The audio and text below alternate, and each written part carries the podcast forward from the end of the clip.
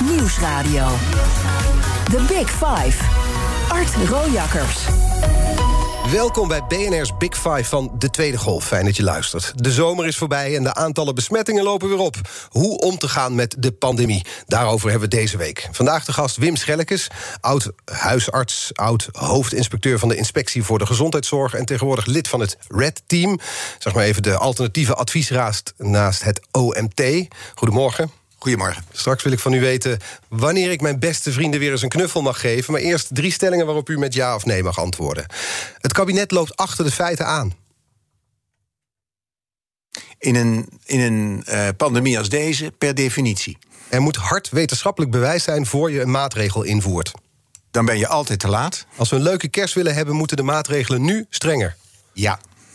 U bent lid van het zogeheten Red Team. Gebruikte één keer jaar en verder toch meer woorden. Dat Red Team is een, groep van eh, twaalf deskundigen. Uh, ook nog ondersteund door allerlei andere deskundigen uit verschillende disciplines. Jullie geven vrijblijvend advies aan uh, politiek over de coronamaatregelen. En gisteren kwam, kwamen jullie met het advies, tenminste dat was het nieuwsbericht, dat de scholen voor zeker twee weken dicht zouden moeten. Dat wilde u juist toch niet nog een keer? Nee, dat zou je ook niet moeten willen eigenlijk. Uh, kinderen moeten naar school. Dus belangrijk voor hun ontwikkeling, belangrijk voor uh, ook, ook mentaal, intellectueel, sociaal. Kinderen moeten naar school. Dat is een uitgangspunt. Behalve als kinderen op school niet veilig zijn Behalve als daardoor ook ouders en grootouders niet veilig zijn. En we hebben niet gepleit voor uh, scholen dicht zoals in de eerste lockdown van drie maanden. Nee, voor twee weken moesten we hebben dus gezegd. De vakantie nu en plak er een week aan vast. Precies, plak er nou een week aan vast. Die ene week is iedereen aan gewend. Heeft niemand ook problemen mee. Vakantie heb je recht op. Maak die vakantie nou één week langer. Dan is dat betrekkelijk weinig belastend. Uh, dat is een beetje uit zijn verband gerukt in die zin. Het is niet een maatregel op zichzelf. Je moet sluiten van scholen, gedurende die twee weken dus, combineren met maatregelen ook in de rest van de maatschappij. En daarom, wij pleiten eigenlijk om de maatregelen die, waar elke burger last van heeft, waar de bedrijven last van hebben, om die fors te doen maar kort. Fors en kort. Gisteren zat hier uh, Ira Helsloot, hoogleraar besturen van veiligheid. Gasten stellen elkaar hier een kettingvraag. Hij had deze vraag voor u over het sluiten van de scholen. Hoe kan hij, want hij was van de inspectie Volksgezondheid, hè? Volksgezondheid, niet infectieziektebestrijding. Hoe kan hij nou verantwoorden dat zijn team adviseert om scholen dicht te gooien met het aantoonbare bewezen, bewezen hele hoge negatieve effect op de volksgezondheid, op de gezondheid van die kinderen, terwijl die kinderen zelf geen enkel risico lopen door corona? Hoe kan hij die afweging nou maken? Interessante vraag. vraag. Eh, er zitten een paar onjuistheden in zijn vraag. Ik was niet hoofdinspecteur gezondheid, volksgezondheid, maar hoofdinspecteur curatieve gezondheidszorg. bijgesteld ik, had, ik had, een collega die was verantwoordelijk voor de volksgezondheid, mhm. de public health. En nu zijn punten over de scholen. En een punt over de scholen. Wij gooien de, de, de scholen niet dicht. Het wordt helemaal niet gegooid. We hebben gepleit voor twee weken en daar, dat zal geen schadelijke effect hebben voor de kinderen. Ik weet overigens, er zijn wel situaties waarin kinderen thuis niet echt veilig zijn, maar dat zijn gelukkig uitzonderingen en daar moeten we wel heel goed op letten. Maar in het belang van de volksgezondheid. En dus voor het besmettingsrisico wat iedere burger loopt, moet je ervoor zorgen dat scholen geen haarden zijn van besmetting. En door die school twee weken dicht te doen, belast je de kinderen eigenlijk nauwelijks. Maar doorbreek je de keten van besmettingen die op dit moment via de scholen plaatsvindt. Het is natuurlijk maatschappelijk ontwrichtend scholen dicht uh, doen. Want dan moeten mensen weer thuiswerken. Die combinatie met kinderen die dan ook thuis moeten leren. Dat bleek in het voorjaar in ieder geval niet de beste combinatie in veel gevallen. Nou, in die zin dat toen hebben we het heel lang gedaan. En, uh, en dat, dat is dan naar onze mening, mits je het combineert met andere maatregelen ook. Scholen sluiten is een maatregel, een essentiële maatregel. Maar er is veel meer mogelijk je kunt veel, veel meer maatregelen nemen in de sfeer van groepen kleiner, blijf meer thuis, uh, ga niet naar buiten als niet nodig is, enzovoort, enzovoort. Dus echte lockdown-maatregelen. Uh, overigens, uh, lockdown is niet een gedefinieerd begrip. Als ik aan lockdown denk, dan denk ik aan Italië en Spanje. Zo verboden naar buiten te gaan met politie voor de deur. Nou, daar, hebben we hier, daar is hier geen spreken. Nee, dat ik dus, het woord lockdown is een lastige, omdat iedereen er wat anders onder verstaat. De, kabinet heeft het over intelligente lockdown, of een semi-lockdown, enzovoort. Uh, laten we het gewoon hebben over de maatregelen. Oké, maar die maatregelen, dus u zegt, het verschil is met het voorjaar, toen waren ze lang dicht, wij pleiten ervoor, het is maar twee weken.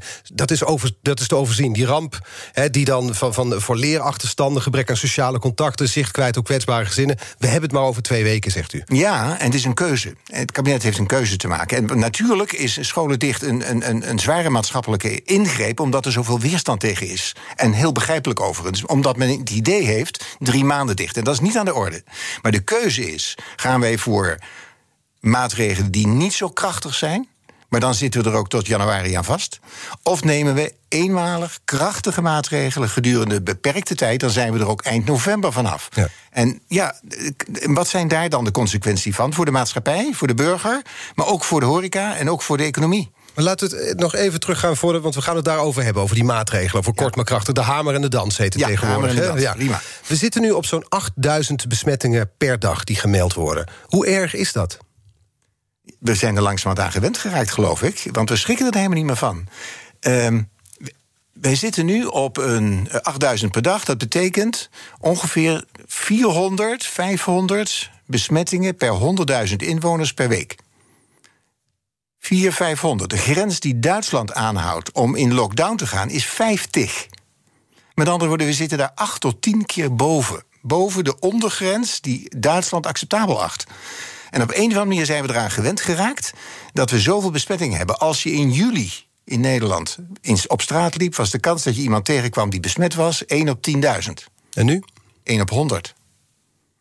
En dus moet je in een winkelcentrum waar je mensen tegenkomt, gewoon een mondkapje aan. Want de kans dat je iemand die besmet is tegenkomt, is best aanzienlijk. De kans dat je op school iemand tegenkomt, een kind dat besmet is, een leraar die besmet is. Uh, hetzelfde geldt voor als je naar een feestje gaat, of je gaat enzovoort. Maar de vraag is natuurlijk, daarom vraag ik het ook die 8000 besmettingen. Gisteren zat hier Ira Helsloot. Zijn verhaal heel kort samengevat is dat we, hij noemt het een massapsychose waar we in zitten. Onze collectieve angst voor het coronavirus, die bewust gecreëerd is volgens hem, is overdreven. Het is niet gevaarlijker dan een griepvirus voor de gemiddelde Nederlander, behalve voor zwakkere ouderen. Dus met andere woorden, die 8000 besmettingen, dat zegt eigenlijk helemaal niks. We melden ook niet hoeveel mensen de griep hebben per jaar. Ja, ik, ik moet eerlijk zeggen, het is wel van dik hout zaagt mijn planken hoor. Uh, ik ben bang dat hij de laatste, uh, dat hij deze dagen, maar ook niet tijdens de eerste lockdown, dat hij nooit in een ziekenhuis is geweest. Uh, dit is geen griepje. Laten we dat nou gewoon eens eens voor altijd voorbij gaan. Dit is geen griepje. voor heel veel mensen is het een griepje. Maar voor een groot aantal mensen, en de getallen zijn, zijn nu langzamerhand zo, zo rond de 20% van de mensen die uh, corona, uh, COVID-19-infectie hebben, uh, die houden langdurig klachten. En we kennen allemaal nu ook van de tv de voorbeelden van, van de stoere man die nauwelijks meer de trap op kan. En die echt moet revalideren. En een gedeelte daar weer van blijkt chronisch ziek te worden. We kennen dit virus pas een maand of acht, dus we hebben nog niet echt lange termijn onderzoeken. Uh, maar er zijn nu aanwijzingen dat er wel degelijk orgaanschade optreedt. Dat mensen chronische longklachten hebben, nierklachten hebben, hartklachten. En zelfs dat uh, mensen ook uh, cerebraal, dus hersenschade oplopen. Maar snapt u dat het mij als gewone burger nu duizelt? Want aan de ene kant hebben we gisteren dus een hoogleraar hier die zegt: het is niet ernstiger dan een griepje. Aan de andere kant zit u nu hier en zegt: het is wel degelijk ernstiger dan een griepje. Ja, waar moet ik er nu mee? Ja, het is maar net waar je de, de, de nadruk legt. En dit is een valse paradox.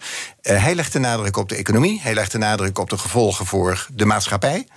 Uh, wij hebben aan het begin de nadruk gelegd op de gezondheid van de burger. Zo min mogelijk besmettingen. En tegelijkertijd beschermen van de zorg. Nou, dat hebben we geweten. Maar de ziekenhuizen die stromen minder hard vol dan in het voorjaar. Dus daar ligt het probleem nog niet. Uh, de ziekenhuizen stromen veel meer vol dan je nu zegt. Uh, wat nog niet zo erg is, is die IC-opname. Maar we hebben nu al 400 IC, uh, COVID-patiënten op die IC liggen. En het groeit door.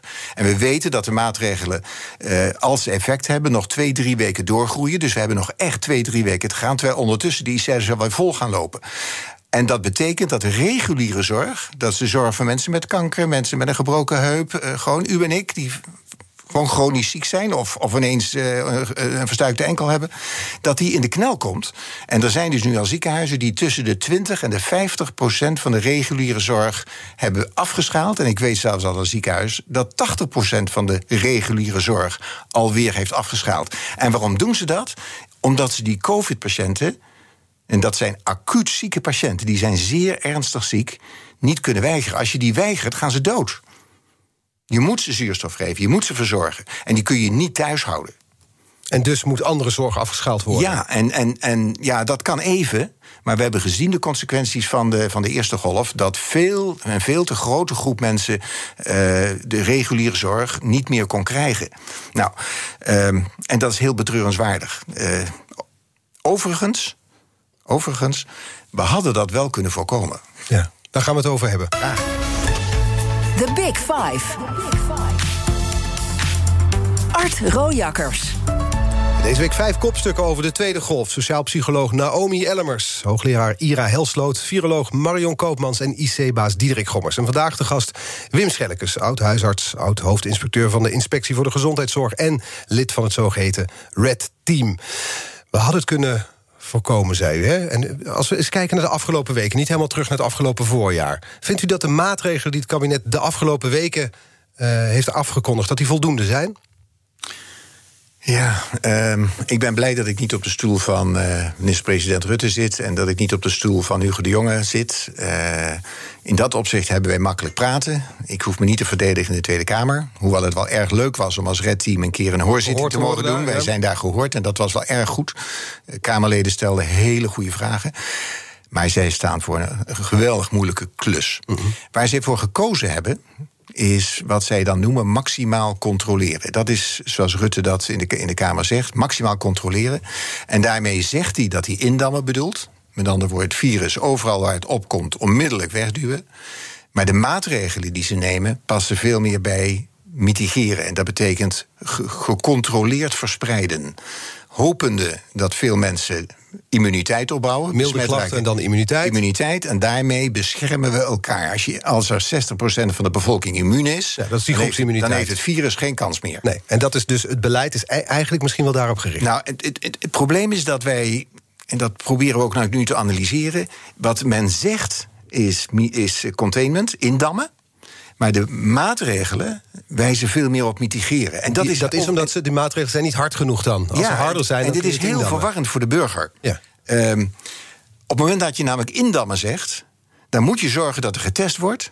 Dan moet je zorgen dat het bron- en contactonderzoek goed functioneert. En beide functioneren op dit moment helemaal niet goed. We, hebben, we testen, de testcapaciteit is onvoldoende... en bron- en contactonderzoek is onvoldoende.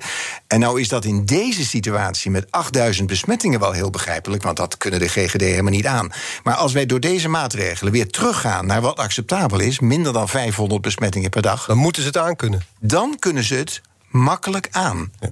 En, maar dan moet, en daarom moeten we deze lockdown-periode ook gebruiken om de GGD'en volledig in positie te brengen. Formatie op orde, gewoon goed geschoolde mensen. Dat bron- en contactonderzoek goed kan plaatsvinden.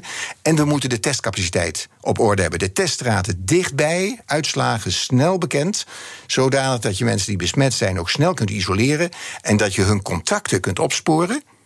En nu kunnen we in 80% van de gevallen de contacten ja, helemaal niet opsporen. Die test, die test duurt eindeloos lang. Het, dat, dat brononderzoek is, is een, en, dus, dus, ja, op dit moment hebben we dat indambeleid helemaal niet op orde. Nee, want ik, ik vraag het ook aan u. Want u zegt, jij zou niet graag op de stoel van Rutte en de Jonge zitten.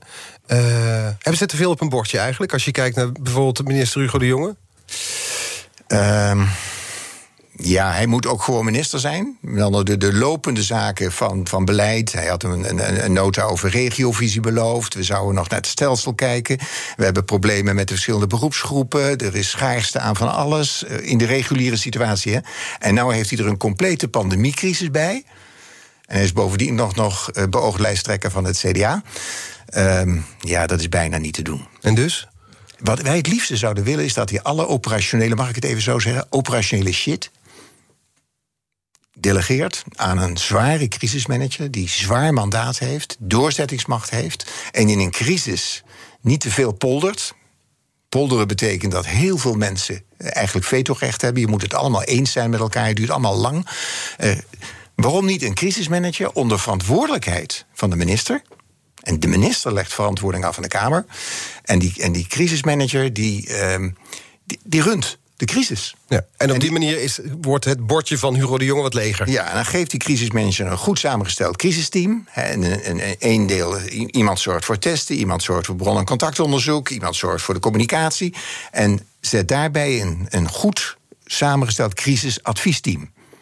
Uiteraard met, de, met eh, de, de, competenties die het OMT meebrengt. Maar, en dat is langzaam breed geaccepteerd, ook gedragswetenschappen, communicatiewetenschappen, economische wetenschappen.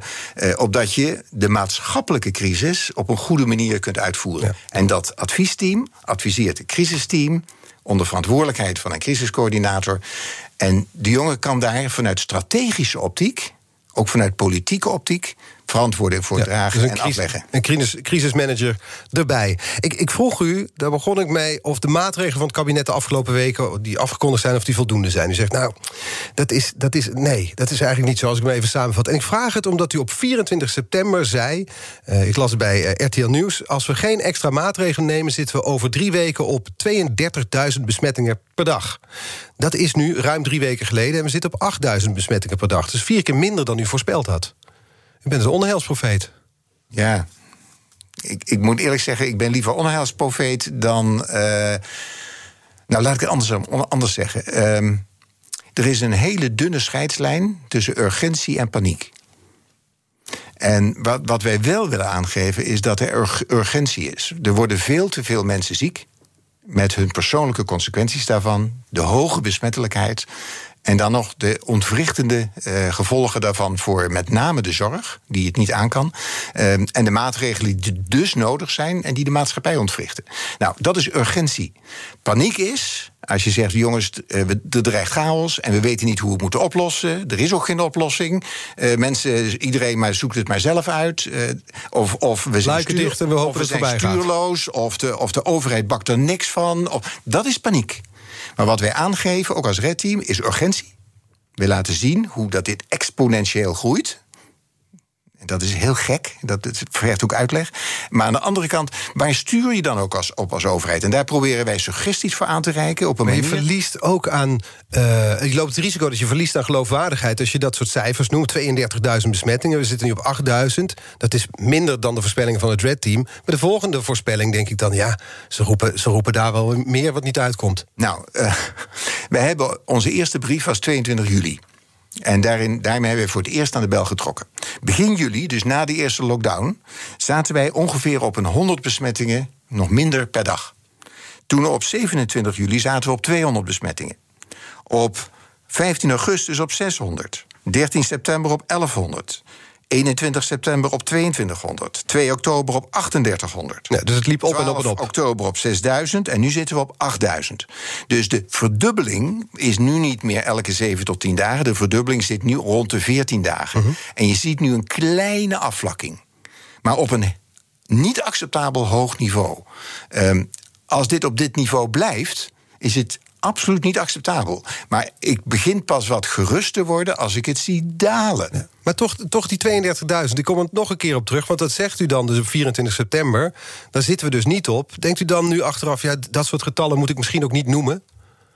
Ja, ik denk het wel, want mensen moeten zich bewust zijn van wat exponentiële groei is. Ja, maar het risico is wat ik, wat ik zeg, dat ik als een gewone burger denk... ja, 32.000, dat is niet gebeurd. Valt eigenlijk nog wel mee dan? Het zijn er maar 8.000. Ja, 8000 is ontzettend veel. En wel vier keer minder dan 32.000. Dat klopt. En ik ben, wees maar blij. Ja, maar zo ken ik er ook nog wel wat. Dan kun je okay. zeggen, er gaan 100.000 besmettingen. En dan kan okay, ja. Nou ja, ik bedoel, ik, uh, better safe than sorry. Uh, maar werkt dat zo in een pandemie, better safe than ja. sorry? Want mensen zijn, worden ook moe van maatregelen. Mensen denken ook, ik wil er van af zijn. En als dus, ik zei voor de grap, u bent een onheilsprofeet... maar als er dus wordt gezegd, het, de besmettingen nemen enorm toe... Uh, het systeem kan het straks niet meer aan... Ja, hoe vaker je waarschuwt en het niet uitkomt... hoe minder geloofwaardig je op een gegeven ja, moment bent. Ja, weet je, de, de, als je het virus de vrije hand geeft...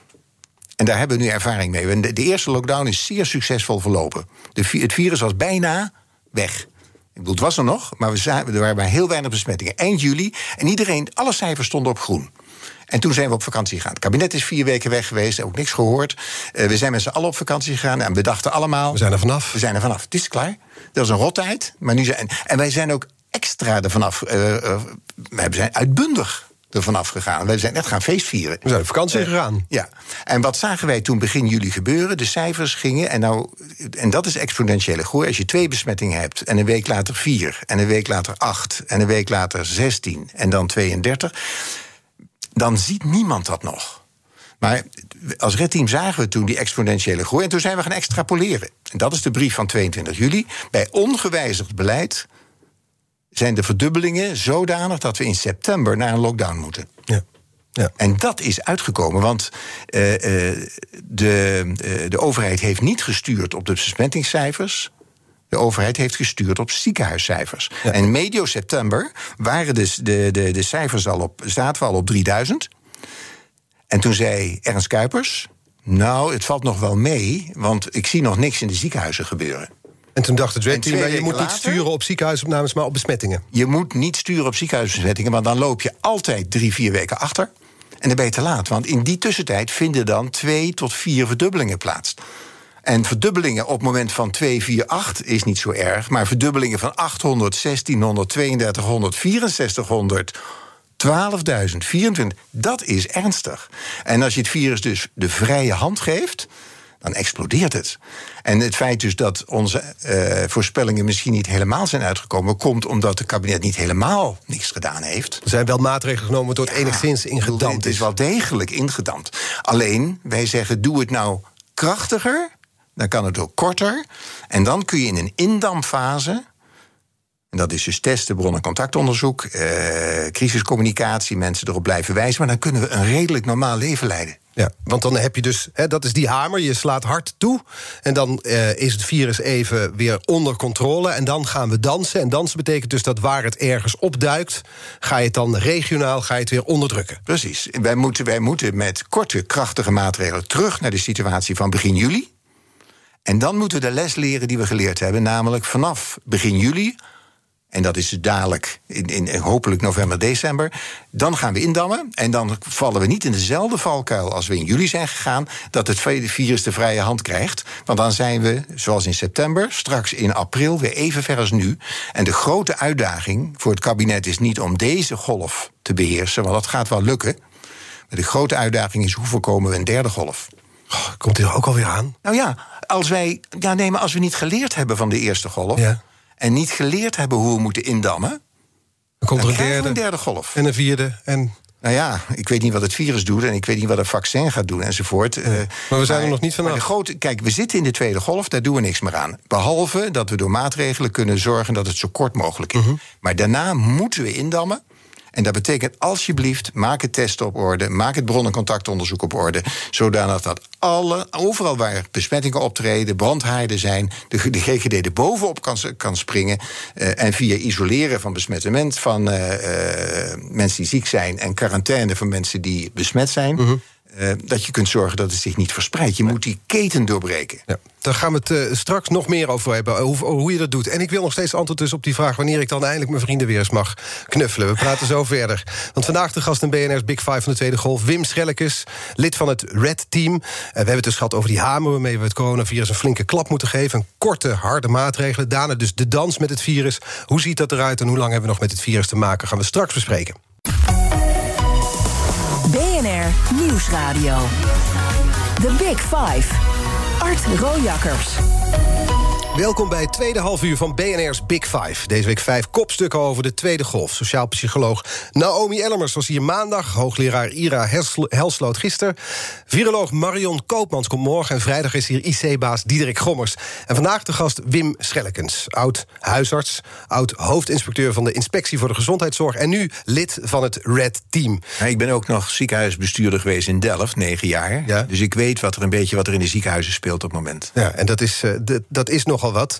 We gaan er straks over hebben wat er in de ziekenhuis speelt. Maar ik, ik heb nu een paar keer gesteld. Wanneer, wanneer komt hier een einde aan? Wanneer kan ik mijn vrienden weer knuffelen? Wanneer wordt het leven weer normaal? Denkt het Red Team. We hebben een nieuw virus. En dat zullen we niet meer kwijtraken.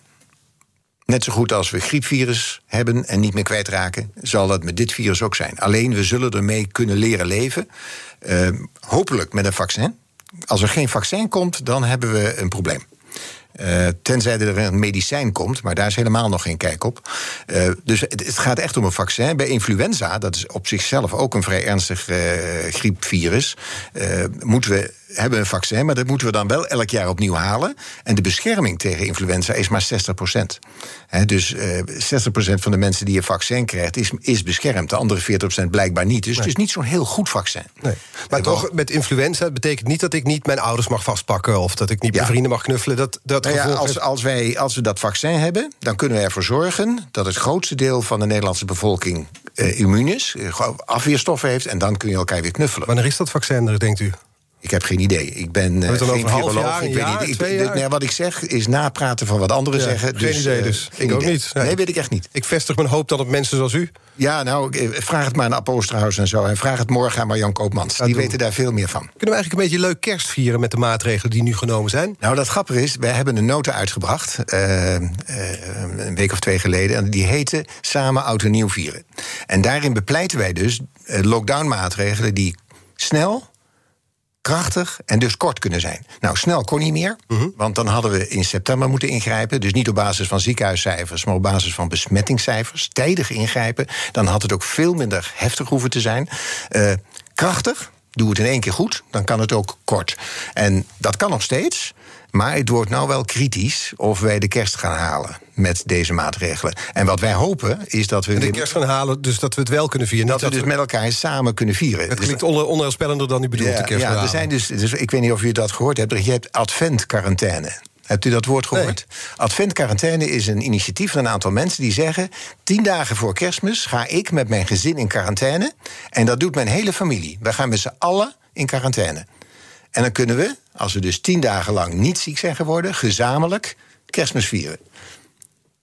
Interessant. Ja, ja, maar dat betekent dus dat we tien dagen voor kerst het, land stil gaan leggen. Nou ja, zo'n familie. Ja. Ik, ik, denk dat het gewoon uh, in heel Nederland kan natuurlijk niet, want nee. gewoon essentiële functies moeten allemaal doordraaien. Niet, niet iedereen kan zomaar tien dagen in nee. quarantaine. Terwijl het alleen maar bedoeld Moet je kerst is heel leuk vinden ook, met je familie. Er zijn nu... mensen die denken: ik ben blij dat die kerst op deze manier niet hoeft te vieren met ja, nee, dat is een heel ander verhaal. Ja. Dat is een heel ander verhaal. Maar ik ga wel nu, niet in quarantaine. Nee, nu moet, ga je in quarantaine omdat je in contact bent geweest met iemand die besmet was. Ja. Uh, en dat is voor. Je gaat dan preventief in quarantaine. Maar dan ga je preventief om kerstmis te kunnen vieren. Ja. En, en over die testen. Ik hoor er nu een paar keer naar verwijzen. Dat moet op orde komen. Dat testbeleid, die testcapaciteit. Nu is het natuurlijk zo, dat was ook het motto van Hugo de Jonge: testen, testen, testen in het voorjaar. Niet echt gelukt. Helemaal niet gelukt. Waarom zou dat nu wel lukken? Omdat we veel geleerd hebben. Kijk, aanvankelijk was het de bereikbaarheid van de testen. Dat wij de teststraten. Uh, mensen moesten vanuit Rotterdam naar Dordrecht. Uh, van Roermond naar Maastricht, bij wijze van spreken. Uh, toen hadden we problemen met de testmaterialen. Met andere woorden, maar we waren heel terughoudend in de indicaties voor testen. In het begin van de eerste lockdown werden alleen maar mensen getest die opgenomen werden in het ziekenhuis. Buiten het ziekenhuis was het één grote black box. Wisten we absoluut niet wat het virus deed. Um, nou, en daarna kregen we problemen met de laboratoriumfaciliteiten. Er waren te weinig laboratoria. Wat wordt nou, het volgende dat hebben we nu allemaal gehad. Ja. Dus we weten nu precies wat we moeten doen. Hoeveel teststraten moeten er zijn? Hoe dichtbij? Mensen moeten er dichtbij zich kunnen laten testen. Laboratoria hebben tijd genoeg gehad om nu voldoende laboratoria te contracteren. Testmaterialen zijn, zijn op voorraad. Nou, dat betekent dat je mensen heel breed kunt gaan testen. Ja, als de aantal besmettingen afnemen. Als niet iedereen, zoals nu, het, het wordt nu, het wordt het systeem nee, het, overvraagd. Nee, nee, het testen moet je blijven doen, ook als de besmettingen af, aflopen. Dat snap ik, maar nu, u, zei eerder, er zijn nu zoveel besmettingen dat de GGD's het niet aan kunnen. Ja, die kunnen het bron- en contactonderzoek Bron- en contactonderzoeken testen, testen wel. Uh, Integendeel, je zou steeds meer moeten testen. En dat kan dadelijk ook, want er is een nieuwe ontwikkeling... en dat zijn de sneltesten. Zijn die betrouwbaar genoeg? Die zijn voor het screenen betrouwbaar genoeg. En wat is screenen? Dat is dat je groepen mensen gaat testen... om te zorgen dat die groep virusvrij blijft. En dan denk ik dus aan scholen... Ik denk aan verpleeghuizen, ik denk aan studentenhuizen, ik denk aan groepen die bij elkaar op een of andere manier zijn. En dan kun je screenend testen. En Als je de foutmarge die erin zit bij sneltesten is acceptabel. Ja, de, de, de, de foutmarge bij, bij eh, sneltesten, ik weet dat niet precies, maar zit zo rond de 70% eh, betrouwbaar. Dat je, betekent dat je 30% mist. Maar als je elke week die groep test. En dat betekent screenen testen is, is preventief testen. Elke week de hele school testen. Ik bedoel, in het buitenland gebeurt het allemaal al. Dat kunnen wij ook. En dan hou je die school virusvrij. En als je het elke week doet, maakt het niet zo uit of er een vals negatieve is. De positief testen moet je laten bevestigen door de PCR-test. Ik wil met u eens kijken wat er gebeurt na dat testen. Dan is iemand getest. Nu blijkt dat 20% van de mensen die positief testen... dat ze niet thuis blijven. Om allerlei redenen. Ze moeten boodschappen gehaald worden. Er moet gewoon gewerkt worden. De, de, de kinderen moeten gehaald en gebracht worden. Er zijn allerlei redenen verzinnen. Maar dan kun je dus testen wat je wil.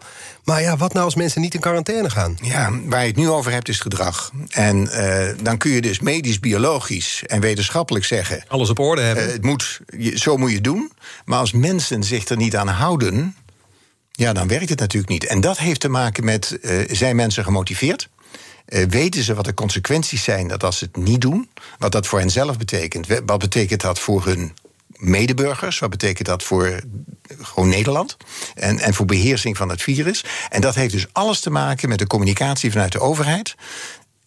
Eenduidige communicatie, heldere communicatie, frequente communicatie. Ik ben heel blij dat gisteren, na, gisteren na het journaal hadden we weer de verhalen uit het veld. Ja, maar het heeft toch ook te maken met uh, ja, een, een, inschatting. Namelijk, ja, ik ben positief, maar ik, ik kan waarschijnlijk niet anders. Of, of, of... Ja, maar dat is, een, dat is kennisachterstand en dat is motivatieachterstand. Um, en uh, Ginny Mooi in ons team is de gedragswetenschapper... en die kan daar van alles over vertellen. Maar hoe, hoe, zien, hoe zien jullie vanuit het Red Team bijvoorbeeld zo'n quarantaine... zou er dan een verplichte quarantaineplicht moeten komen? Nou, wij vinden dat maatregelen... Uh, hoe heet het, Rutte heeft het vanuit het kabinet steeds over een dringend advies.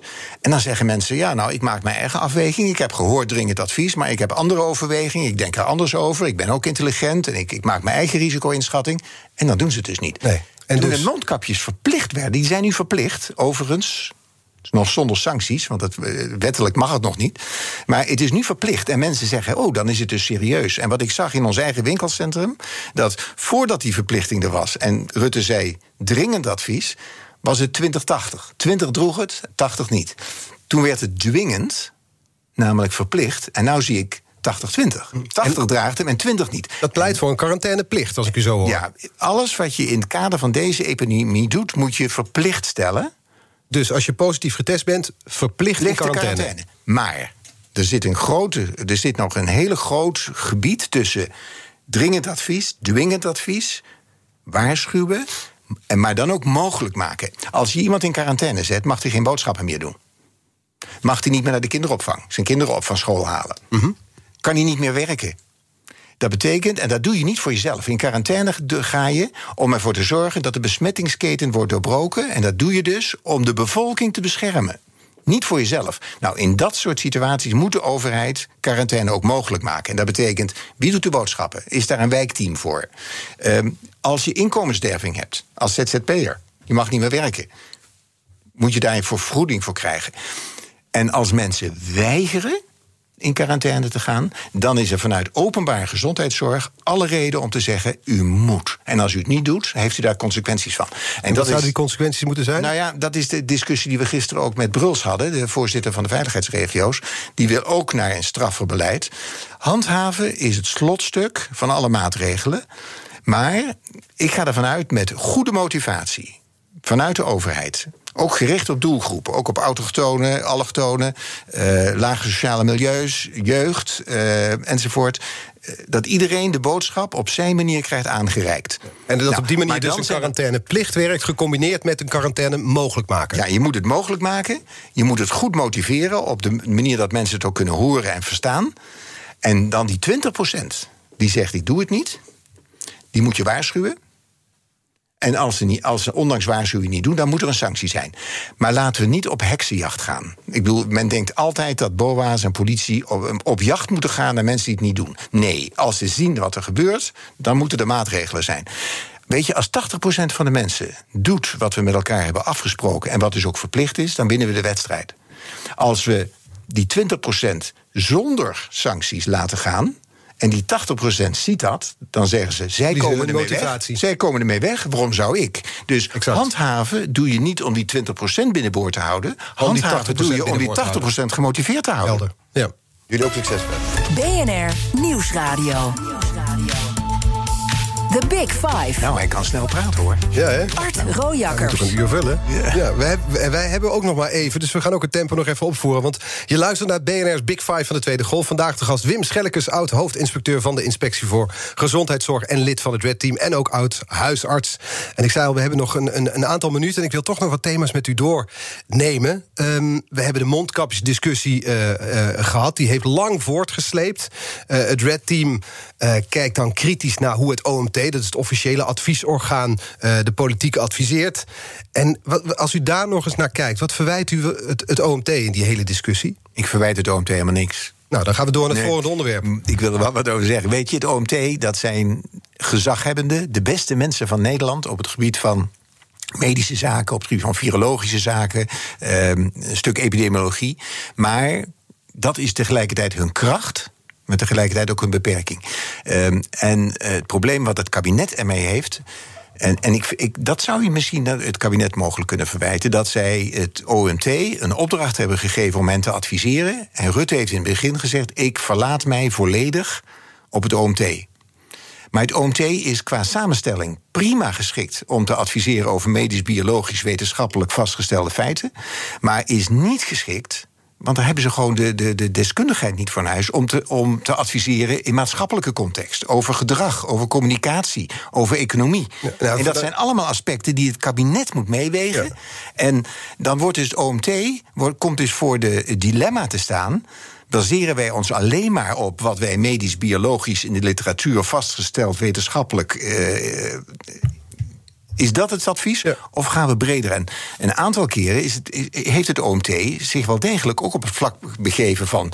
Ja, eh, er is te weinig beschikbaarheid aan mondmaskers. of te weinig beschikbaarheid aan testmaterialen. Dus beperken we het aantal indicaties. Nee, indicaties zijn heel breed. En dan mag de politiek zeggen: Nou, dat vinden we leuk en mooi. Zouden we graag willen, maar we hebben het niet. Nee. Nou, dat is terecht. Oké, morgen hier te gast Marion Koopmans, viroloog, lid van het OMT. U mag een kettingvraag maar stellen. Wat zou u haar willen vragen? Oh, ik heb een hele simpele vraag. Kom maar op. Hoe voorkomen we een derde golf? Ja, die had ik zelf Ik bedoel- ook wel kunnen bedenken. Nou, eh, ja, ik verzin ook helemaal niks bijzonders. Nee. Eh, maar dit, ik, in deze fase van de, van de corona, midden in de tweede golf, Ja. is er maar één vraag echt belangrijk. Hoe voorkomen we een derde golf? Want deze tweede golf komen we wel door. En dan komt de grote uitdaging: hoe voorkomen we de derde golf? En ik denk dat we niet genoeg daarover met elkaar van gedachten kunnen wisselen. Te veel bezig zijn met het nu, de tweede golf. Ja, we zitten midden in deze ellende. En met alle gevolgen in de ziekenhuizen enzovoort. Want het gaat echt niet goed in de ziekenhuizen. Ehm, maar het, uiteindelijk gaat het om die derde golf. En het Red Team is, een, is op dit moment met een nota, we zijn bijna klaar. om met name daar de nadruk op te leggen. En dat vraagt nogal wat van kabinet. Dat vraagt ook wat van de adviesstructuur. Eh, want het gaat niet vanzelf. Als wij doorgaan zoals we tot nu toe hebben gehandeld zijn we straks na deze golf even ver als in juli. En is, dan, is het in april, mei weer mis. Dan zitten we in de derde golf. En de grote uitdaging is, dat mag niet gebeuren. Want dan, dan zijn we het draagvlak onder de bevolking kwijt. Dat is voor de economie desastreus. Er is maar één vraag aan Marion Koopmans ook. Maar ook aan het kabinet. Hoe voorkomen we een derde golf? Ja, en dat is dus die derde golf. Dat is, ik noem maar even de middellange termijn, volgend voorjaar. Nu bent u huisarts geweest, ik zei het al. U bent ziekenhuisbestuurder geweest, hoofdinspecteur van de volksgezondheid. Kortom, heeft lange ervaring in de medische sector. Als we naar de iets langere termijn kijken... wat denkt u dat deze coronacrisis eh, betekent voor de langere termijn... voor over 10, 20 jaar? Oh, dit is wel een hele belangrijke vraag. Want we, zitten allemaal met oogkleppen op te werken om ervoor te zorgen dat we deze fase overleven. Maar we hebben, we hebben, en we hebben wel een aantal lessen te trekken. Eh, bijvoorbeeld, we hebben de GGD'en voor een onmogelijke opdracht gesteld. Omdat in de afgelopen twintig jaar de GGD'en op gemeentelijk niveau steeds verder zijn uitgekleed. Want ja, waar had je nou een GGD voor nodig? Die paar infecties en die paar vaccinaties. En, en nu blijkt dat de GGD'en een kernfunctie hebben om ervoor te zorgen dat we als maatschappij gezond blijven. Met andere woorden, hoe bouwen we straks de GGD'en weer op? Ook de governance-lijnen. Wie, wie, wie stuurt de GGD'en aan? Nu worden de GGD'en aangestuurd door 15 gemeentes in de veiligheidsregio.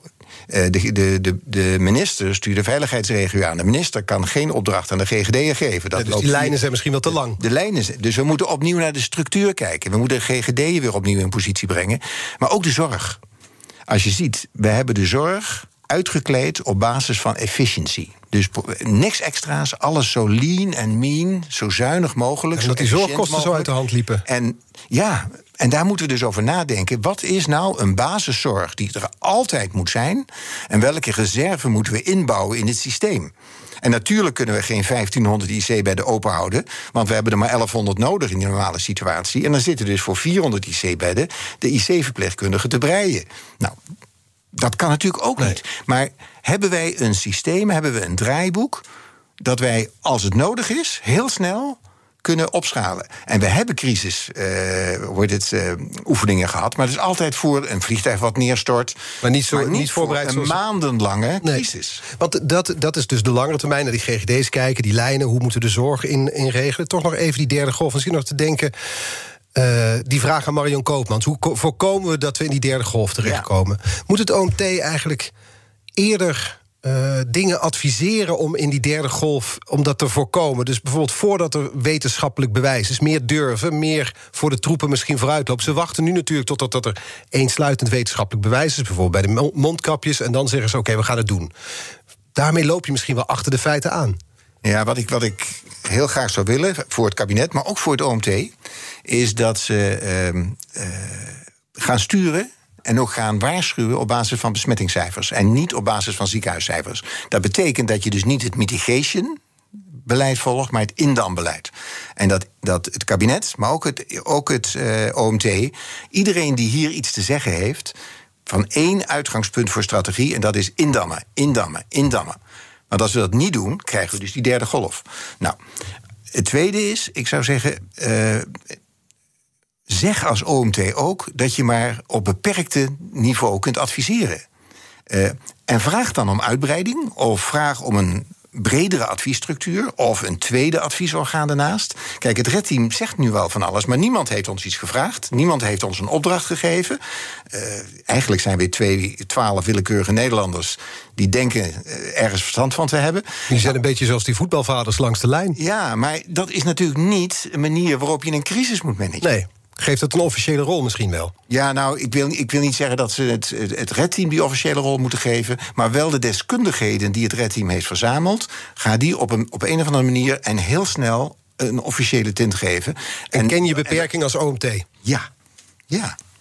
Ja. En dat is ook een manier om die derde golf te voorkomen. Ik heb veel bewondering voor wat het OMT doet. Zit onder grote druk. Eh, moet in een hele moeilijke politiek-maatschappelijke context functioneren.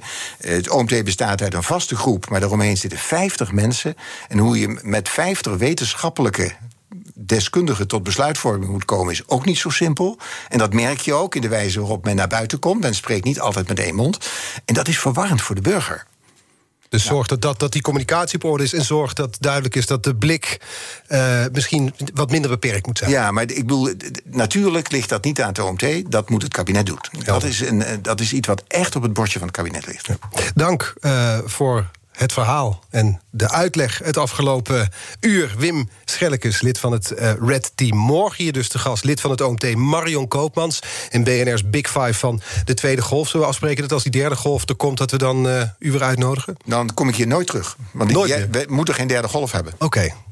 Er komt gewoon geen derde golf. Nee, zullen we zeggen dat de derde golf uh, bij Sint-Juttemus komt? Laten we dat doen. Dat is misschien okay. een veel betere afspraak. Ja. Dank nogmaals, Wim Schellekes. Deze aflevering is terug te luisteren, net als alle afleveringen van BNR's Big Five. De podcast is te vinden in de BNR-app en op bnr.nl. En nu hier Jurgen Rijman met Ask Me Anything. Tot morgen. Bij BNR ben je altijd als eerste op de hoogte van het laatste nieuws. Luister dagelijks live via internet. Jelle Maasbach. Wesley Weert. We zijn er voor je met het leukste, opvallendste, maar natuurlijk ook het belangrijkste nieuws. Tijdens de presentatie van die halfjaarcijfers toen die beurskoers in elkaar kukkelde. BNR Beurs. Voor de slimme belegger. Blijf scherp en mis niets.